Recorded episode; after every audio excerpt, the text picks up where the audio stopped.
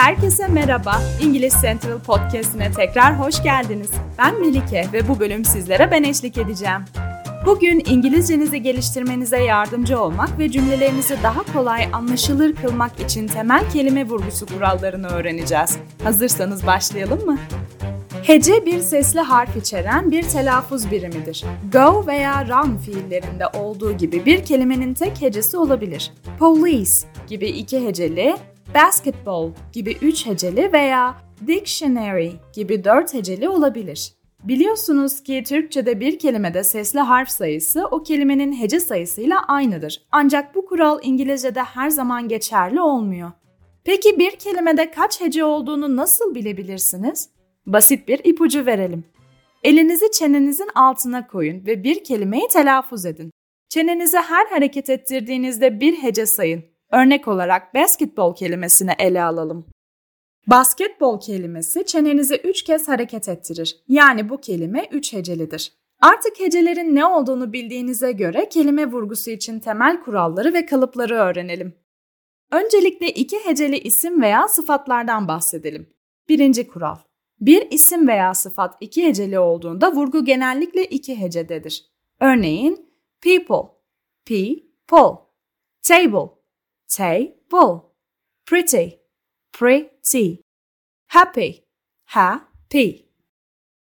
Ancak burada ufak bir istisna var. İngilizceye başka dilden geçmiş bazı kelimelerin vurgusu ikinci hecededir. Örneğin hotel, hotel, police, police, extreme, extreme. İkinci kural. Bir fiil veya edat iki heceli olduğunda vurgu genellikle ikinci hecededir. Örneğin allow, allow, begin, begin, between, between, aside, aside. Üçüncü kural. Hem isim hem de fiil olan kelimelerde isimlerde vurgu ilk hecededir. Fiillerde vurgu ikinci hecededir. Örneğin hediye anlamındaki present kelimesinde vurgu ilk hecededir. Yani present şeklinde telaffuz edilir. Ancak sunmak anlamına gelen present fiilinde vurgu ikinci hecededir ve present şeklinde telaffuz edilir. Aynı şekilde obje anlamına gelen object kelimesinde vurgu ilk hecededir. Yani object şeklinde telaffuz edilir. Ancak itiraz etmek anlamına gelen object fiilinde vurgu ikinci hecededir ve object şeklinde telaffuz edilir. Dördüncü kural. ER ve LY ile biten üç heceli kelimeler için vurgu genellikle ilk hecededir. Örneğin orderly, orderly, honestly, honestly, manager, manager, cucumber, cucumber. Beşinci kural. Bir kelime i, c, s, i, o, n veya t, i, o, n ile bitiyorsa vurgu genellikle sondan ikinci heceye doğrudur.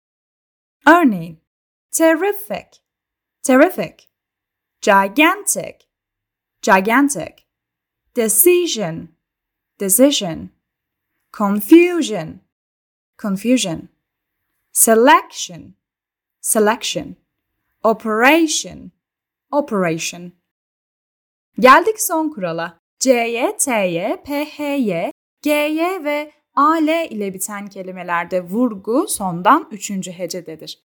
Örneğin democracy, democracy, emergency, emergency, community, community, diversity, diversity, geography, geography, philosophy, philosophy, technology, technology, biology, biology, political, political, editorial, editorial. Bu saydığımız kurallar sözcük vurgusunun temel kurallarından ve kalıplarından yalnızca birkaçıdır.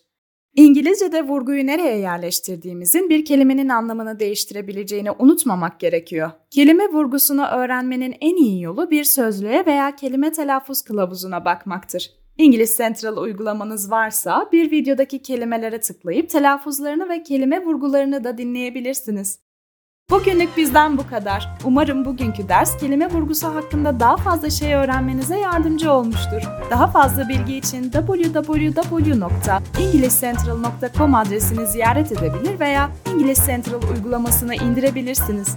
Ayrıca metin kutucuğundaki linke tıklayarak İngiliz Central'a ücretsiz bir şekilde kayıt olabilir, ücretsiz deneme dersinizi planlayabilir ve 20 binden fazla video içeriğine erişim sağlayabilirsiniz.